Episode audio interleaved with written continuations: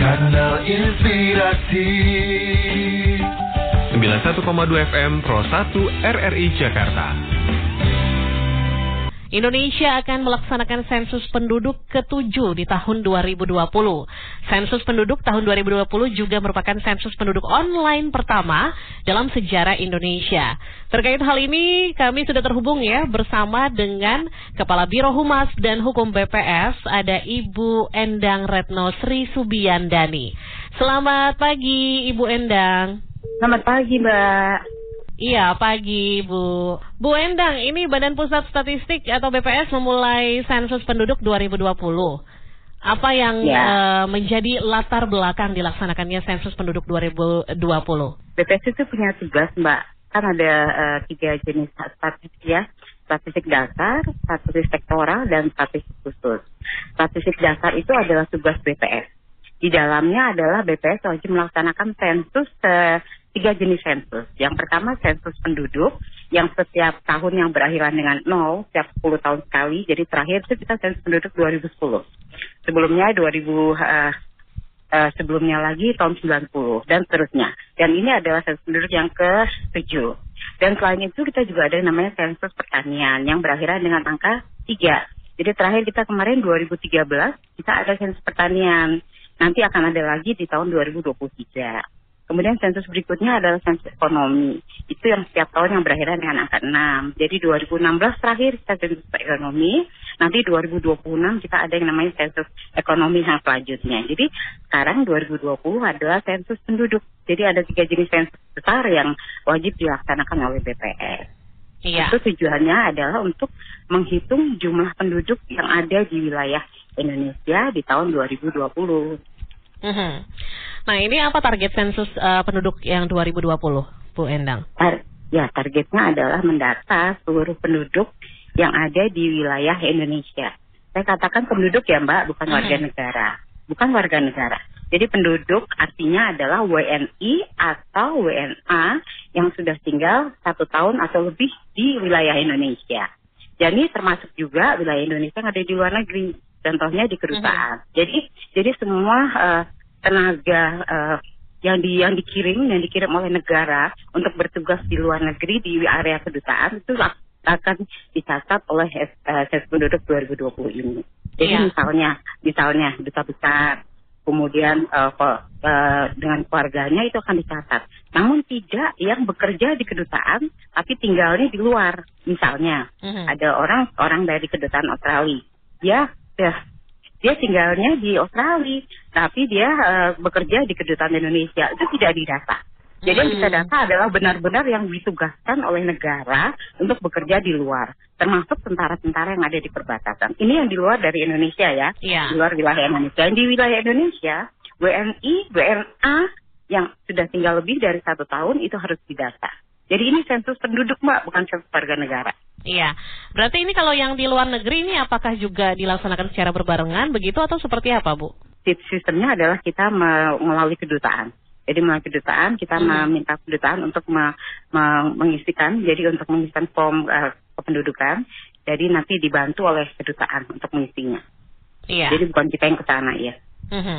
Nah, untuk yang sensus penduduk 2020 ini seperti apakah rangkaian atau tahapan eh, dari SP 2020 ini? Rangkaiannya begini. Jadi kita di sensus penduduk 2020 ini agak berbeda dibanding sensus penduduk 2010 sebelumnya, Mbak. Mhm. Kalau- Kalau sensus sebelumnya BPS kan mengerjakan sensus sendiri. Jadi dari mulai perencanaan, kemudian pengumpulan data di lapangan, pengolahannya, kemudian eh, eh, pengolahan, kemudian analisis dikerjakan sendiri. Kalau yang sekarang kita punya tujuh proses bisnis. Jadi yang pertama proses bisnisnya adalah kita kolaborasi dengan Dukcapil. Karena selama ini kan data data Dukcapil, data penduduk dari Mhm. Dukcapil dan dari BPS kan nggak pernah sama. Dan itu selalu jadi pertanyaan orang-orang, kenapa sih data penduduk ada dua? Yang satu dari Dukcapil, yang satu dari BPS, kan begitu. Mhm. Nah, sebenarnya yang dari Dukcapil itu, itu karena data tertib administrasi. Kita bilangnya de jure. De jure. Jadi kalau kita ngelapor, lahir ngelapor, meninggal ngelapor, pindah lapor, itu akan ter- terdata. Itu juga data terakhirnya adalah pakai EKTP itu kan, jadi terdaftar kita resmi. Kalau BPS, kita, kita pendekatannya adalah de facto. Jadi fakta di lapangan. Jadi uh, konsep definisinya sudah nggak sama sehingga uh, memang datanya berbeda. Nah untuk 2020 ini kita berkolaborasi karena kita akan menuju satu data pendudukan hasil outputnya. Jadi data Dukcapil itu akan menjadi basis data atau prelis untuk petugas di DPS turun ke lapangan. Jadi kita mengupdate datanya dari Dukcapil. Nah, mm-hmm. setelah kita mengupdate, nanti outputnya jadi ada keluarannya satu data. Dan itu datanya akan kita kembalikan ke Dukcapil untuk ditindaklanjuti. Nah, itu yang pertama. Kemudian tahapan yang kedua, kita menggunakan sensus penduduk online. Jadi sensus penduduk online dan sensus penduduk wawancara. Sebenarnya sensus penduduk online dan wawancara itu sama, Mbak. Yang hmm. membedakan adalah yang sensus penduduk online itu penduduk bisa melaksanakannya secara mandiri, update update keluarganya sendiri itu kita berikan kesempatan untuk orang-orang yang sibuk, yang tidak bisa didatangi petugas, yang kalau kita petugas datang selalu nggak ada orang di rumah, atau orang-orang yang tidak punya waktu untuk menemui petugas. Silahkan mengupdate dirinya sendiri, misalnya teman-teman di apartemen, itu kan susah masuknya ya. Uh-huh. ya yang kayak gitu tuh tolong uh, update sendiri. Kita kasih waktu sampai dengan 31 Maret. Namun kalau teman-teman itu tidak mengupdate sendiri, maka di bulan Juli petugas kita pasti datang ke rumah untuk mendata. Karena sensus itu adalah pendataan lengkap. Jadi sensus penduduk adalah mendata seluruh penduduk yang ada di Indonesia. Iya. Nah, untuk yang sensus penduduk 2020, Bu Endang, ini apa yang menjadi ya. basis data dan metode yang digunakan? Ya, ini yang saya cerita tadi. Jadi basis datanya adalah kita menggunakan data dukcapil. Hmm. Jadi kalau dulu kita jalan sendiri, kemudian kita masukkan data sendiri, dan datanya tetap aja jadi berbeda dengan Dukcapil. Sekarang kita kan uh, mengikuti yang namanya uh, Perpres uh, satu data, Perpres nomor 39 tahun 2019 yang dikeluarkan oleh Presiden tentang satu data Indonesia, maka kita berkolaborasi dengan Dukcapil supaya data kependudukan nanti cuma ada satu. Jadi data yang kolaborasi antara Dukcapil dengan BPS. Nah itu mbak, jadi yang kita gunakan basis datanya adalah data dukcapil, kita mhm. bawa uh, kita bawa ke, ke ke lapangan untuk diupdate. Nah setelah itu hasil update-nya kita kembalikan lagi ke dukcapil untuk ditindaklanjuti. Iya. Nah ini kalau untuk terkait mengenai mekanisme pelaksanaannya, seperti apa Bu Endang? Hmm. Itu yang saya sampaikan tadi, hmm. mekanisme pelaksanaannya untuk khusus untuk tahun 2020 ini kita me, me, memanfaatkan uh, teknologi yang sudah semakin maju. Uh-huh. Jadi kalau dulu kita benar-benar murni dari pintu ke pintu, yang sekarang kita benar-benar uh, mencoba untuk memberikan kesempatan kepada orang-orang yang sibuk itu dengan penduduk online. Dan sekarang ini kita memang menargetkan uh, semakin banyak sensus penduduk yang melaksanakan sensus penduduk online, tentunya akan semakin sedikit yang yang kita datangi ke rumah-rumah kan begitu ya. Uh-huh. Jadi kalau yang yang yang kira-kira nggak punya waktu gitu, cobalah upayakan untuk mengisi online saja di uh, sensus.bps.go.id. Dari situ masuk, kita hanya perlu nik, nomor nik, dan nomor kartu-kartu keluarga. Ya itu yang membuat kita bisa masuk. Jadi kalau ada yang nanya nama ibu kandung, itu jelas bukan namanya BPS. Hmm. Karena namanya BPS hanya menanyakan nomor nik dan nomor kakak untuk bisa masuk. Nah masuk pertama kita akan ada namanya password, harus dibikin password. Itu untuk salah satu bentuk uh, apa penyaringan supaya untuk keamanan data. Ya, setelah itu baru masuk di situ uh, keterangan rumah tangga, kemudian keterangan individu. Hmm. Kalau misalnya ada orang tua di situ, makanya maka akan disebutkan namanya siapa. Tapi tidak ada uh, ujuk-ujuk menanyakan nama ibu kandung itu enggak. Ya. Hmm. Ya, jadi ini bisa diakses langsung dari website ya, Bu Endang. Ya, ya, sensus.bps.co.id. Iya, tadi karena masih tadi kami sempat membuka uh, komentar dari pendengar dan katanya ada yang masih bingung nih untuk online-nya. Nah, ini tadi Bu Endang sudah menyampaikan ya.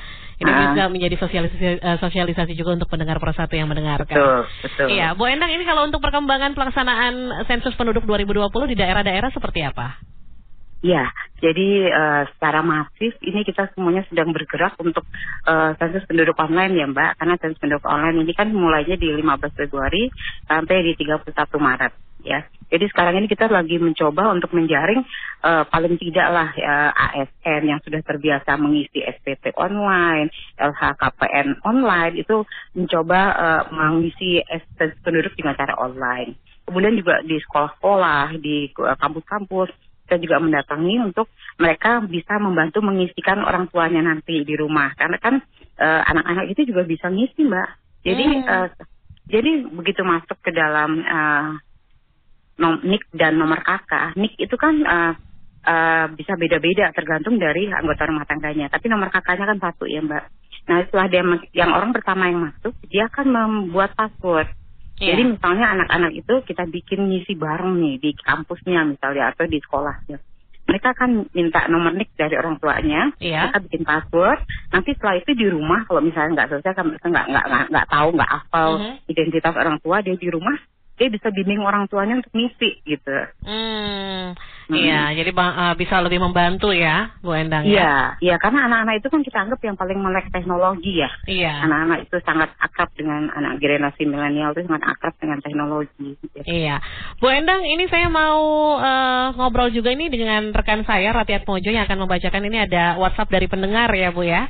Ya boleh. Iya, silakan Rati. Ya, terima kasih Binda dan Ya, selamat pagi. Ibu Endang. Ini Pagi. ada beberapa WhatsApp dari pendengar kami. Di antaranya eh, ini menanyakan kalau misalnya untuk pengguna online itu kan nggak bisa asli ya, karena kan bisa tuh direkayasa dalam KTP ataupun KK. Kecuali nih orang-orang ataupun keluarga itu memang mengontrak dan domisilinya berbeda dengan yang terdata. Maklum, namanya juga teknologi kan masih bisa direkayasa. Ini khususnya gini, ada lagi nih. Khususnya sensus di wilayah yang banyak kontrakan di daerah Jakarta Kota dekat kampus, dekat perkantoran. Ini gimana sebaiknya langsung via RT atau RW nih Ibu? Itu salah satunya Ya. dari Pak Coki. Kemudian juga ada dari Mbak Nita nih di Kebayoran. Sebetulnya kalau untuk online sih asik-asik aja ya, tapi gimana untuk ke masyarakat yang kita harus akui masih ada juga yang gaptek kan Ibu. Nah ini kan butuh juga Ya. pendampingan. Oke, mungkin dua itu dulu ya, silakan Mhm. Ibu. Ya, ya eh, sensus penduduk eh, online ini memang kita eh, menyadari eh, satu niat baik pasti akan ada pasti akan eh, ada yang berusaha untuk me- mencoba untuk me- meng- meng- ada hacker-hacker yang berusaha untuk merusak gitu kan.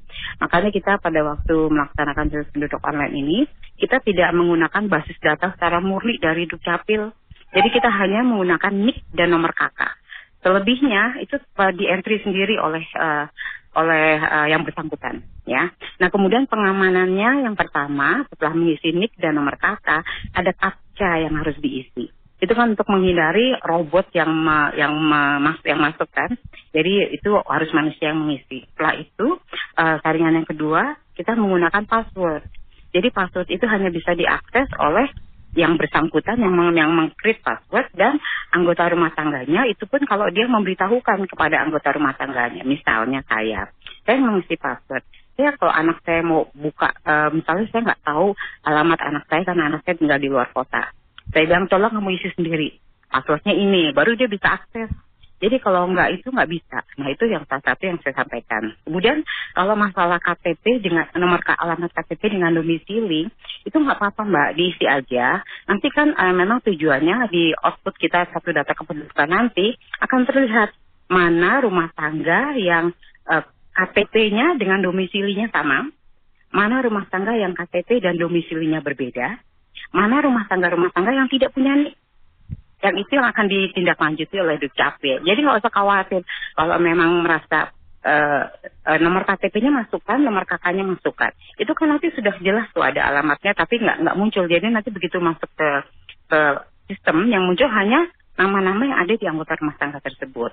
Nah nanti kalau yang ngisi anaknya yang sedang kuliah di Jogja, ya sampaikan saja bahwa eh, mereka tinggal eh, domisili tidak sama dengan nomor KTP-nya. Di situ kan ada pertanyaan nanti domisili sama atau tidak dengan KTP-nya. Mhm. Iya. Dan kalau untuk yang eh, tadi sempat eh, Mbak Rati sampaikan Yang- soal gaptek iya, ini berarti Mbak bisa ada pendampingan ya. Mm-mm. Ah ya betul. Jadi yang yang itu kan tadi saya sampaikan bahwa untuk 2020 ini sensus penduduk ada dua dua eh, dua macam. Jadi dua Mhm. metode yang kita laksanakan. Yang pertama sensus penduduk online. Itu memang kita memberikan untuk yang memang yang eh, sangat akrab dengan teknologi dan yang memang tidak punya waktu untuk dikunjungi petugas. Mhm. Kalau kalau yang tidak yang gaptek atau yang eh, kepingin silaturahmi biar tunggu aja petugas kita datang di bulan Juli mbak. Hmm. Jadi sebenarnya uh, kalau kita sudah isi online, kita tidak akan didatangi di bulan Juli. Oh, Tapi kalau ya. kita kalau kita sebelum isi online, kita pasti Mhm. akan didatangi petugas di bulan Juli. Baik. Iya, bagaimana? lagi, ada lagi? Ada lagi dari silakan. Pak Irwan di Cilandak ya. Ya. Oke singkat aja sih pertanyaan saya karena saya juga merasa ini adalah sesuatu langkah yang luar biasa ya khususnya untuk menuju Ya. satu data kependudukan Indonesia. Ya, Nah betul. tapi perlu juga nih masukan pemerintah perlu dong mengkaji penerapan sensus online lebih matang lagi. Oke itu saja. Baik. Ya. Ya, terima kasih Ratiat Mojo ya sudah membacakan eh, WhatsApp dari pendengar. Silakan Bu Endang. Ya, jadi eh, memang kita selalu memperhatikan, eh, kita juga memperhatikan bahwa ini sudah industri 4.0. Kita Mhm. juga ingin memperhatikan juga bagaimana eh, tipe penduduk yang tidak sama. Ada tipe penduduk yang suka silaturahmi, ada penduduk yang merasa waktunya terbuang lah, terbuang kalau ada tamu yang datang. Makanya kita memberikan dengan dua metode seperti itu. Mhm. Jadi eh, jadi memang ini adalah eh, metode yang tidak yang baru pertama kita laksanakan gitu. Nah, nah, sekarang tergantung dari eh, penduduk yang ada di Indonesia ini. Mau ambil yang mana, monggo. Mau ambil yang online, kita senang. Karena itu mengurangi beban kita di lapangan atau kalau mau mau ngambil yang menunggu petugas di bulan Juli monggo. Petugas kita pasti datang. Jadi seperti itu, Mbak. Iya. Jadi eh, namanya namanya eh, apa namanya langkah yang lebih maju tentu ada ada eh, masih ada yang resisten terhadap perubahan, tapi ada juga yang kepingin untuk eh, berpartisipasi dalam perubahan. Jadi kita Mhm. memberikan dua pilihan. Nah, ini berapa anggaran yang disiapkan eh, Bu Endang terkait mengenai pelaksanaan SP 2020? Anggaran total dari mulai persiapan ya, dari mulai persiapan sampai dengan pelaksanaan lapangan Mhm. itu sekitar sekitar 4 triliun untuk seluruh Indonesia. Dan itu 58 persennya itu adalah untuk di lapangan. Hmm. Jadi mulai mulai pelatihannya, kemudian Iya. honor petugas, asuransinya dan semuanya itu kita habiskan di lapangan. Jadi karena seluruh Indonesia dari Sabang sampai Merauke kan, jadi Mhm. semua yang di pegunungan, yang di uh, pulau-pulau terpencil, yang di kota-kota besar itu semuanya kan harus didata. Hmm, baik. Ini kalau tidak salah di 2010 kan tenaga cacanya ada sekitar 700 ribu ya Bu. Ya, ini betul. kalau untuk eh, di tahun ini bagaimana untuk Di tahun eh, ini mhm, petugasnya SP 2020? Ya, petugasnya eh, petugas dengan supervis- eh, supervisinya dengan eh, dengan koordinator eh, petugas dan kemudian koordinator kecamatan totalnya 400 ribu. Lebih berkurang Oh, karena berkurang kita banyak ya Bu ya? berkurang banyak benar karena kita memang menggunakan dua metode. Mhm. Jadi metode metode yang eh, sos- eh, online itu mengurangi petugas lumayan banyak sih. Hmm. Tapi ini metodenya kalau di 2010 kan eh, sempat menggunakan Intelligent Character Recognition Optional Mark Reader atau ICR. Nah, ini masih sama digunakan atau ada yang berbeda memang, Bu? Di 2020 Jadi, ini. Ya, itu kan modelnya adalah eh, itu model eh, scanner ya. Mhm. Jadi pengolah itu pengolahannya aja Mbak. Jadi kalau lapangannya sama itu adalah pencacahan di lapangan. Jadi door to door kalau 2010. Kalau sekarang eh, dia 2010 murni door to door. Kalau sekarang dua kombinasi. Nah nanti Baik. pelaksanaan pengolahannya itu tetap pengolahan itu. Jadi kalau kalau yang online itu begitu enter dia otomatis langsung tersimpan. Kalau kemudian di wawancara Mbak itu juga ada dua jenis Mbak. Mhm. Jadi yang pertama menggunakan eh, smartphone ya Iya. atau gadget. Jadi petugasnya datang nggak bawa nggak bawa kuesioner, nggak bawa kertas uh, Oke. kuesioner itu mbak. Tapi dia bawa handphone, nah, handphone atau gadget dan wawancaranya langsung di, eh, dimasukkan di di handphone itu. Hmm. Jadi begitu begitu submit ya udah langsung terkirim. Nah kemudian yang scanner pengolahannya itu adalah yang yang pengolahan biasa itu adalah yang menggunakan kuesioner biasa yang dengan kertas Mhm. kertas uh, kuesioner dan Iya. itu uh, jadi uh, ada dua jenis untuk diwawancara itu. Iya. Nah ini kan di sensus penduduk 2020 kan eh, pertama kali juga ada tahapan online ya. Bagaimana tantangannya untuk di Indonesia? Iya, tantangannya makanya kita uh, di online ini kita tidak menargetkan terlalu banyak karena kita tahu lah uh, kalau bilang melek teknologi saya yakin sudah banyak sekali yang melek teknologi. Cuman masalah kepercayaan. Hmm. Trust dengan pemerintah itu penting. Nah itu yang saya pikir uh, kalau memang tidak percaya atau tidak ragu-ragu Iya. uh, datanya akan bocor, ya sudah tunggu saja petugas di bulan Juli. Tapi Hmm. kalau memang ingin mencoba mengisi, kita hanya menggunakan eh, basis datanya itu hanya Iya. Dan nomor kata. Begitu Hanya masuk ke dalam ya, begitu masuk ke dalam eh, data rumah tangga, Mhm. baru keluar baru keluar nama-nama anggota rumah tangga. Iya. Hanya itu. Selebihnya kita mengentri sendiri. Baik. Jadi jadi nggak ada yang kita takutin gitu. Aha. Nah, tapi bagaimana Bu nantinya untuk mengatasi permasalahan keamanan data yang jadi salah satu isu utama di tengah masifnya transaksi berbasis online ya yang menyertakan identitas setiap pengguna? Iya, baik terima kasih Mbak. Jadi kalau untuk keamanan data, kita tentunya eh, tidak tidak boleh main-main ya, karena Mhm. itu eh, sangat penting apalagi kerahasiaan data ini dijamin oleh undang-undang. Jadi pada waktu kita membangun sistem sistem sensus penduduk online ini, kita eh, sudah menguji cobakan dengan dibantu oleh tenaga ahli IT dari ITB, kemudian dibantu juga dengan dari Australia dan Jepang, dan juga di- dipantau oleh eh, Badan Cyber dan Sandi Nasional. Jadi kita memang menjaga sekali Mhm. eh, sistem kita semua agar tidak di dimasuki, di attack oleh banyak hacker. Tapi eh, namanya manusia ya Mbak, kita berusaha semampu kita. Mudah-mudahan, mudah-mudahan ayolah teman-teman masyarakat Indonesia jangan mencoba untuk merusak, tapi cobalah mensupport untuk pembangunan Indonesia, ya Iya. kan Mbak? Jadi tolonglah Aha. yang niat-niat nggak benar itu ini nggak ini nggak bagus. Iya. Jadi ini untuk kepentingan negara, Baik. kepentingan pembangunan bangsa. Ya. Bu Endang, satu data kependudukan ini kan jadi sebuah keniscayaan wajib dituntaskan. Ya. Nah, bagaimana tata kelola ke depannya agar benar-benar dihasilkan data yang saling terintegrasi dan tidak ada versi yang berbeda-beda berdasarkan lembaga atau badan tertentu? Ya, benar Mbak. Ini yang saya maksud tadi Mhm. bahwa data sekarang ini kan data masih ada dua nih, data Iya. kependudukan versi Dukcapil, data kependudukan versi BPS.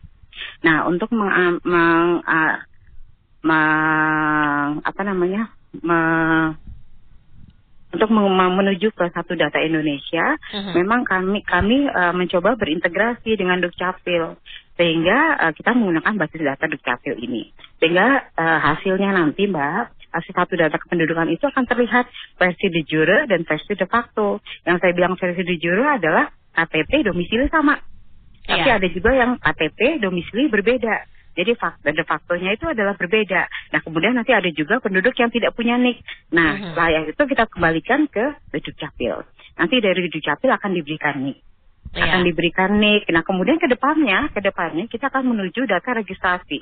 Jadi kalau sekarang mungkin oke eh, data kita masih masih belum belum terlalu bagus, tapi paling tidak kita sudah punya inisi- inisiatif untuk menuju satu data, ya kan? Mhm. Nanti kemudian eh, kita akan menjadi ma- ke depannya kalau semakin bagus, semakin bagus, semuanya eh, kebijakan pemerintah semuanya akan berbasis pada Baik. data registrasi Iya. pada data registrasi. Jadi nanti kalau misalnya ada uh, kebijakan pemerintah untuk memberikan bantuan-bantuan apa, harus punya NIK, Mbak. Jadi Hmm. kalau nggak punya NIK, itu nggak akan dapat. Sehingga Iya. yang kita dapat nanti di satu data kependudukan itu yang tidak punya NIK akan diberikan NIK oleh Dukcapil. Nah, Bu Endang melihat manfaat data kependudukan hasil dari sensus penduduk 2020 ini kan memang sangat strategis ya. Apa Ya. himbauannya ke masyarakat luas? Ya, imbauan saya yang pertama untuk sensus penduduk online, seperti saya sampaikan tadi, tolonglah jangan punya niat negatif, tapi cobalah kita sama-sama mensupport, mensupport eh, tujuan dari satu data kependudukan supaya kita memiliki data yang valid satu data, sehingga ke depannya untuk pembangunan, untuk evaluasi pembangunan, untuk perencanaan kebijakan pemerintah itu semuanya menuju menggunakan data yang sudah yang kita kumpulkan kali ini. Dan Hmm. kemudian saya kepengen sekali setiap penduduk itu em, secara wise itu berpartisipasi dalam eh, pendataan penduduk ini, baik itu online atau wawancara. Jadi janganlah menghindar, karena ini penting untuk melihat eh, berapa banyak sensus penduduk itu melihat jumlah penduduknya, kemudian distribusinya, kemudian komposisinya, karakteristiknya, supaya kelihatan di, di kota ini berapa jumlah penduduknya, berapa jumlah penduduk yang usia sekolah, berapa yang eh, apa namanya usia ibu-ibu usia Mhm. subur, sehingga perlu ada perbaikan di kesehatan atau di pendidikan dan sebagainya. Dan itu diperlukan sekali di lapangan. Iya. Mudah-mudahan ini juga menjadi sosialisasi dan masyarakat sudah lebih mengerti Amin, begitu ya. amin. Bu Makasih, Endang. Mbak. Ibu Endang terima kasih banyak atas waktunya dan informasi yang tentunya sangat bermanfaat untuk kita Sama-sama, semua. Mbak. Ya, sama-sama. Selamat pagi Bu Endang. Selamat pagi, makasih ya. Iya sama-sama Ibu. Ya. Demikian pendengar Pro 1 wawancara kami bersama dengan Kepala Biro Humas dan Hukum BPS Ibu Endang Retno Sri Subiyandani. Kanal Inspirasi 91,2 FM Pro 1 RRI Jakarta. Masih membahas mengenai topik pagi hari ini yaitu sensus penduduk 2021 data Indonesia. Kali ini saya akan melanjutkan ya wawancara bersama narasumber berikutnya dengan Ketua Umum Koalisi Kependudukan Indonesia, Bapak Sony Hari B. Harmadi. Selamat pagi Pak Sony. Selamat pagi Mbak Pinda. Iya, Pak Sony, ini sensus penduduk 2020 sudah dimulai ya untuk yang online ya. Nah, apa yang menjadi pengamatan Anda? Tentunya ini dari Koalisi Kependudukan Indonesia dalam hal ini. Kalau dari Koalisi Kependudukan Indonesia, kita jelas sangat mendukung pelaksanaan sensus.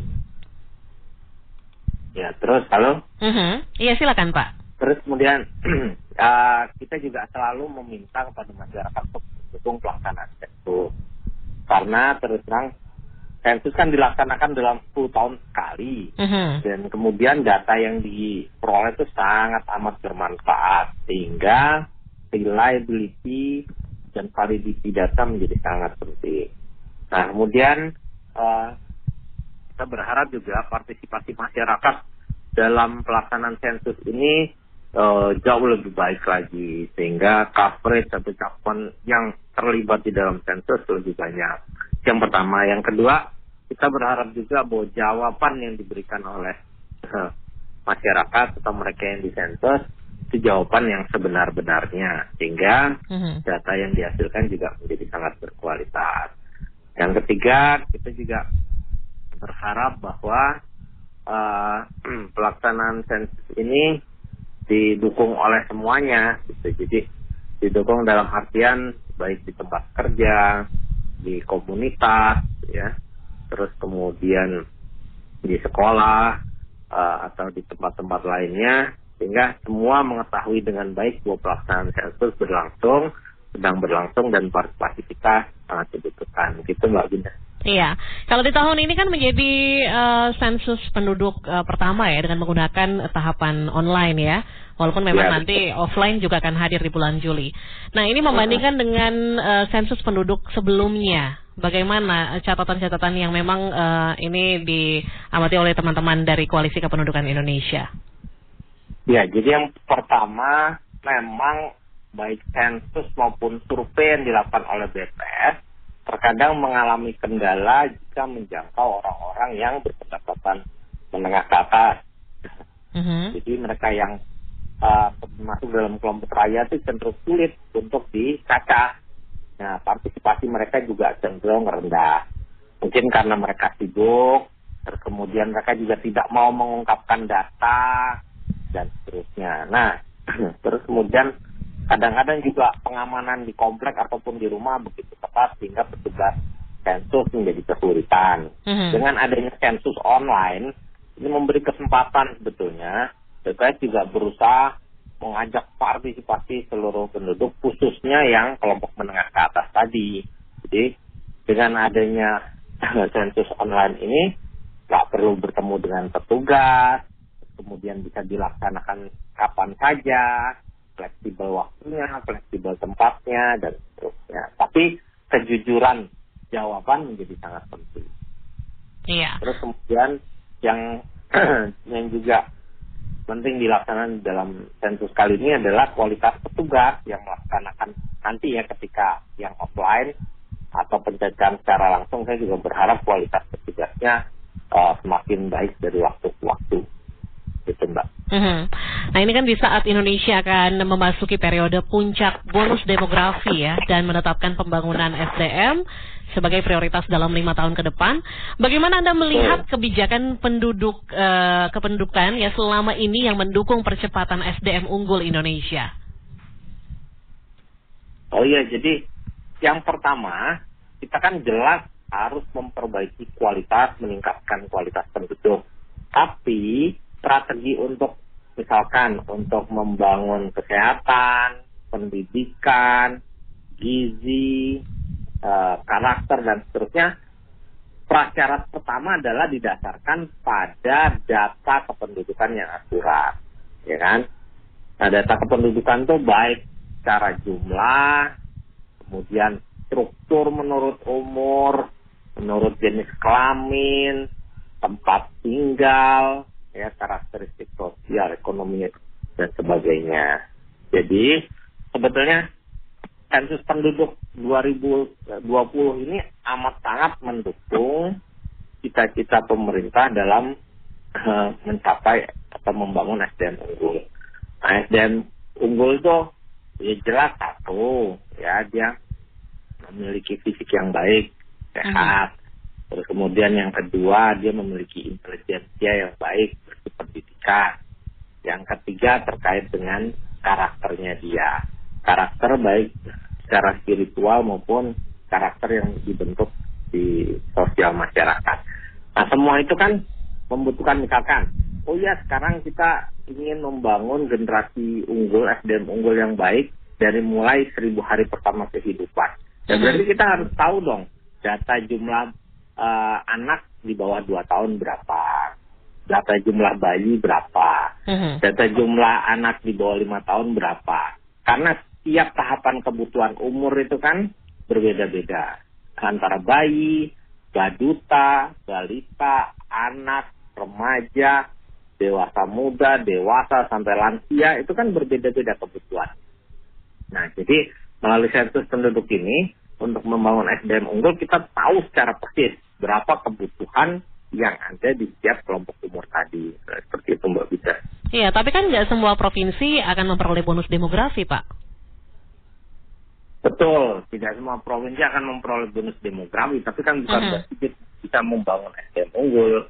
Uh -huh. Nah, bonus demografi itu sebetulnya wujudnya adalah percepatan pertumbuhan ekonomi.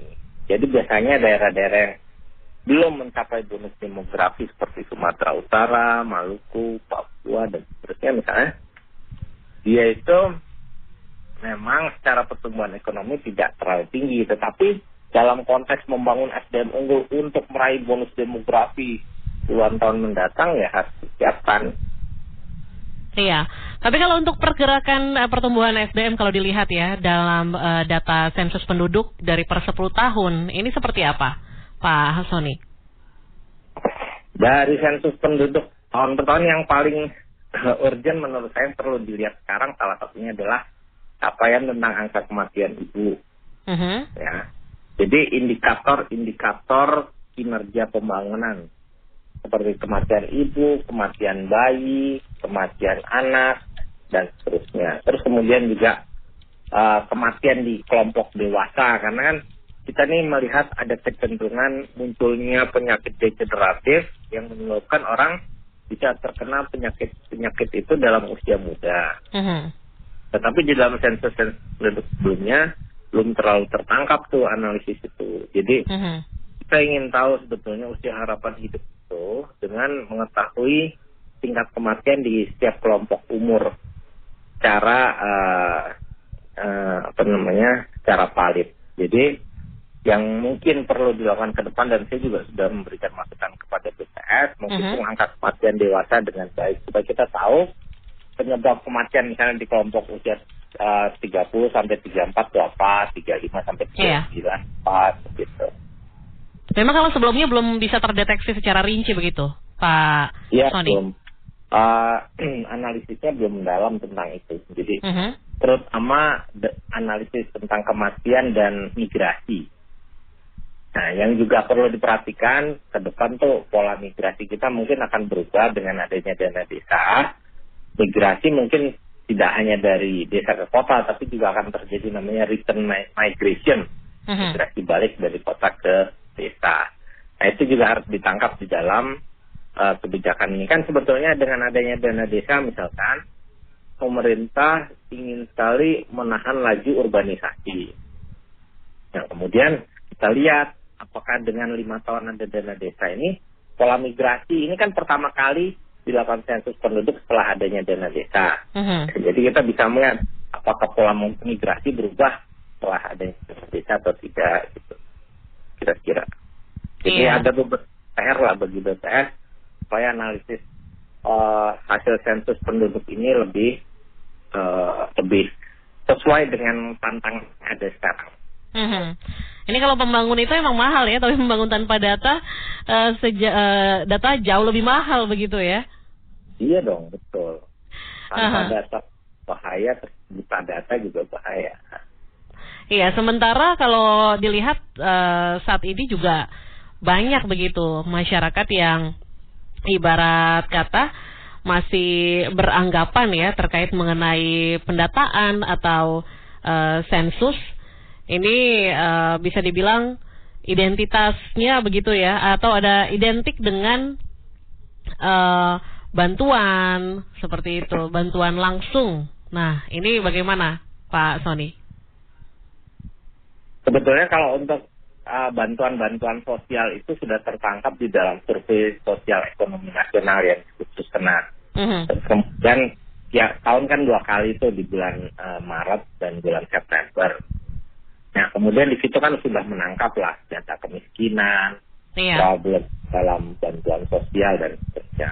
Tapi kalau data sensus penduduk ini betul-betul untuk mengumpulkan informasi dan data tentang situasi kependudukan saat ini, terutama jumlah, terus kemudian uh, struktur penduduknya menurut umur. Jadi kita ingin tahu umur 0 berapa, satu berapa sampai umur terakhir. Terus kemudian habis itu kita ingin mengetahui distribusi atau sebaran penduduknya. Karena kan uh, dengan berbagai kondisi yang ada, perubahan situasi yang ada, persebaran penduduk juga mengalami perubahan dengan pembangunan infrastruktur secara masif. Misalkan uh, pemerintah harusnya melihat kan apakah infrastruktur tadi berhasil menarik penduduk ke daerah tadi dan seterusnya. Jadi Mhm. sebetulnya saya ingin menangkap gambaran tentang situasi kependudukan secara eh, makro gitu. Iya. Nah ini lantas bagaimana eh, agar tidak timbul kesalahan atau bias informasi yang besar yang berakibat data tidak berkualitas bahkan mungkin menambah kerugian negara. Ya betul sekali itu. Jadi saya juga menghimbau pada seluruh eh, masyarakat Indonesia agar memberikan jawaban yang valid. Karena kalau jawabannya tidak sesuai dengan faktanya, Mhm. maka ciptakan data yang sebetulnya tidak valid juga. Kalau data yang tidak valid, dampaknya perencanaan pembangunannya salah karena didasarkan pada data yang salah. Kalau datanya salah, perencanaan pembangunannya salah, pasti penyusunan target dan hasil yang diperoleh juga salah. Jadi saya berharap betul-betul partisipasi masyarakat di dalam menjawab sensus penduduk secara eh, baik dan benar.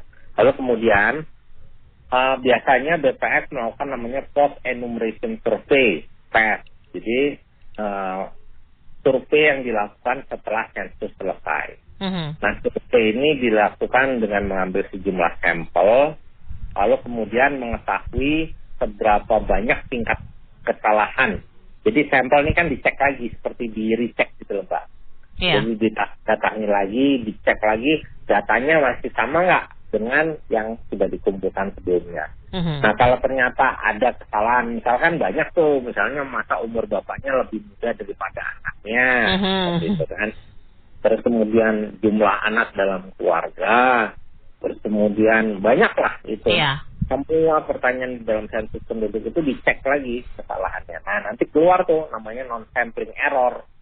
Jadi tingkat kesalahan yang bukan karena kesalahan sampling, tapi kesalahan dalam merespon atau menjawab pertanyaan. Nah, terus kemudian kalau tingkat kesalahannya besar, biasanya akan dilakukan koreksi. Tapi kalau tingkat kesalahannya dalam toleransi kecil, ya berarti eh, data yang dihasilkan sudah reliable, bisa dipercaya. Mhm.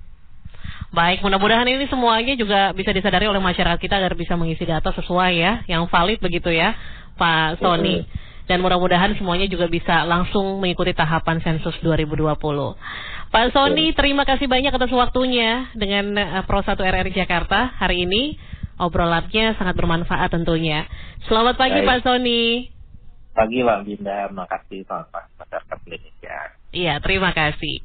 Demikian pendengar Pro 1, wawancara kami dengan Ketua Umum Koalisi Kependudukan Indonesia, Sony Hari B. Harmadi. Dan masih membahas mengenai topik pagi hari ini, tentunya terkait mengenai sensus penduduk 2020. Saya mau lanjut lagi nih dengan narasumber saya berikutnya, yaitu Kabit Data dan Informasi Dukcapil DKI, ada Ibu Alina Balkis. Selamat pagi, Ibu Alina. Selamat pagi, Mbak. Iya. Tadi Bu Alina, ini sensus penduduk 2020 uh, menggunakan data Dukcapil saat ini sudah mulai berjalan. Bagaimana hmm. progres pelaksanaannya di Jakarta, Bu? Ya, uh, selamat pagi. Uh, terkait dengan uh, penyelenggaraan sensus penduduk khususnya di DKI Jakarta, memang uh, kami sudah ber, berkoordinasi dengan uh, BPS Provinsi DKI Jakarta sejak sejak semula dan uh, mulai dari uh, saat penyiapan datanya maupun dalam pelaksanaannya. Terkait dengan pelaksanaannya, Pemprov DKI Jakarta dalam hal ini Pak Gubernur uh, sudah mengeluarkan instruksi nomor 16 tahun 2020 tentang dukungan penyelenggaraan sensus penduduk gitu dan uh, uh, banyak atau SKPD terkait yang uh, apa namanya uh, mendukung secara penuh uh, dan real di lapangan misalnya uh, uh, diskominfotik misalnya itu terkait hmm. dengan uh, sosialisasinya. Lalu dinas kependudukan terkait dengan uh, apa namanya pe penyediaan data maupun uh, ketika di lapangan uh, masyarakat membutuhkan penjelasan itu uh, dan juga uh, khusus di dalam pelaksanaan sensus secara online ini yang yang mulai April sampai Maret ya itu itu juga kami uh, ber apa ya berkolaborasi atau uh, bersama-sama dengan BPS ketika masyarakat uh, menemui kendala terkait dengan pelaksanaan sensus online ini. Uh, fungsi kami hanya menjelaskan sih sebenarnya, menjelaskan iya. ke masyarakat gitu. Mm-hmm. Jadi memang berarti sudah dikoordinasikan juga dengan stakeholder terkait ya Bu ya? Sudah, sudah, sudah. Selama iya. ini dan alhamdulillah di DKI Jakarta sepertinya nggak nggak ada masalah gitu ya. Kalau mungkin kemungkinan-kemungkinan kendala yang memang bisa dihadapi ini seperti apa, Ibu oh, iya. Alina? Uh, dari permasalahan yang uh, dijumpai di di DKI yang sering kami uh, terima dari masyarakat adalah ketika tidak bisa mendaftar secara online karena perbedaan uh, antara uh, NIK dengan nomor kakaknya gitu. Jadi hmm. perlu mungkin perlu uh, uh, masyarakat ketahui bahwa uh, data yang digunakan oleh BPS ketika melakukan sensus adalah data per Juni tahun 2019. Jadi hmm. ketika masyarakat itu melakukan transaksi setelah Juni, ini yang ada kemungkinan besar ada masalah. Misalnya, hmm. misalnya dalam satu keluarga, uh, misalnya pindah gitu, yang kepala keluarganya pindah biasanya kepala nomor kakak itu kan mengikuti kepala keluarga sehingga anggota yeah. keluarga yang ditinggalkannya itu nomor kakaknya baru gitu. hmm Sedangkan yang terdaftar di, di BPJS adalah nomor kakak lama gitu. Jadi hmm ini yang yang uh, menyebabkan masyarakat uh, apa namanya tidak bisa mengakses uh, atau atau mengakses uh, sensus online ini.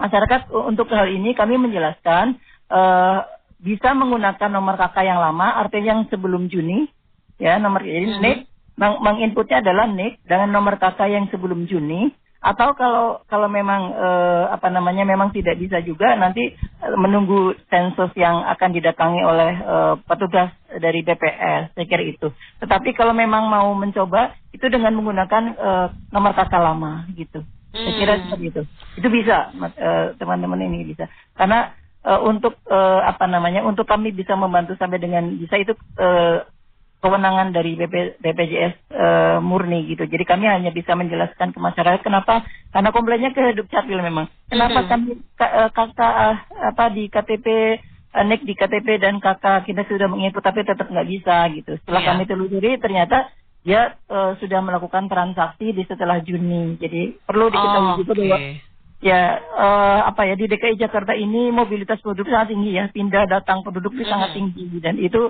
uh, data yang transaksi setelah Juni tidak masuk di database-nya BPJS begitu. Eh iya. BPJS, BPS. Uh, iya. Berarti datanya ini bisa berbeda ya karena ada transaksi yang mungkin dilakukan setelah Juni 2019 yeah. seperti itu ya Bu Alina. Iya, yes, betul. Nah, seandainya yeah. kalau memang ternyata kan uh, dia melakukan transaksi setelah Juni 2019, apakah ini harus dilaporkan kembali ke Dukcapil atau seperti apa? Tidak perlu karena secara hmm. di, di di database kami itu udah valid. Oh, valid. Okay. Hanya saja karena BPS memang menggunakannya menggunakan data Dukcapil mm. bukan data real tetapi mm. data Juni 2019 mm. maka tentu saja kan tidak ada koneksi masalahnya tidak yeah. ada koneksi antara data Dukcapil dengan BPS saya kira itu mm. kendalanya mm. selain ini ada lagi tidak uh, Bu Alina uh, kalau dari sisi Dukcapil uh, mm. yang kami temui sih itu saja sih saya pikir itu saja Sejauh ini hanya itu saja ya. Mm-hmm. Nah, ini kalau bicara soal perbedaan uh, suatu data bukan hanya akibat perbedaan uh, metodologinya saja, tapi waktu pelaksanaan berbeda, akan membuat hasil berbeda pula. Dan ini kan secara nggak langsung akan uh, berkontribusi terhadap perbedaan data yang dihasilkan, begitu ya, Bu Alina? Oh iya, Be kalau itu memang iya, itu terkait dengan data ya. Artinya hmm. uh, perbedaan data uh, BPS dengan da data uh, Dukcapil tidak mungkin sama, hmm. karena uh, definisinya memang berbeda.